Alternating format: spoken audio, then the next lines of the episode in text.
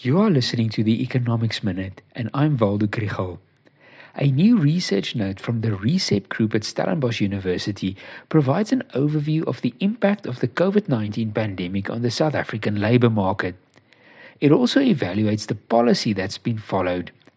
Therein lies an important question about the continuation of the presidential employment stimulus program and the sustainability of the fiscal position that I spoke about yesterday.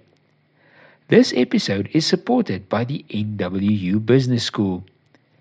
In the research note, Timothy Kohler gives an overview of the lockdown, the recovery of the labour market afterwards, the impact on the youth, and the policy steps such as the TERS and the 350 Rand COVID SRD grant.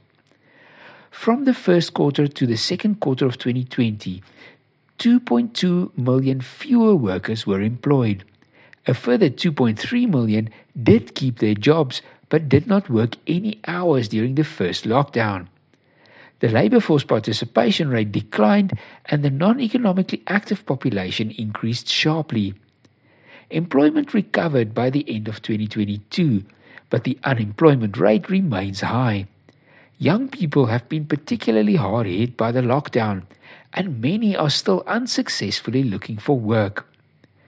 The research shows that the temporary employer employee relief scheme and the social relief of distress grant did reach workers and vulnerable poor people.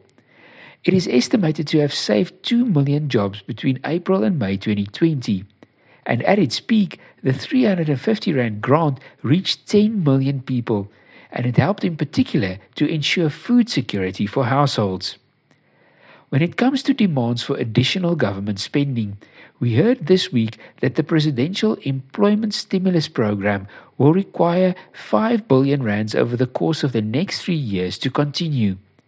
Since October 2020, this has created approximately 1.2 million opportunities uh, among others for teaching assistants.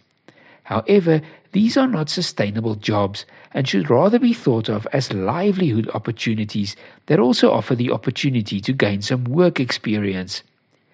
That young unemployed people need it is certain. There have been 5 million applications. The question is not really whether we can afford it. We should be thinking about what else we're willing to give up to continue helping unemployed young people.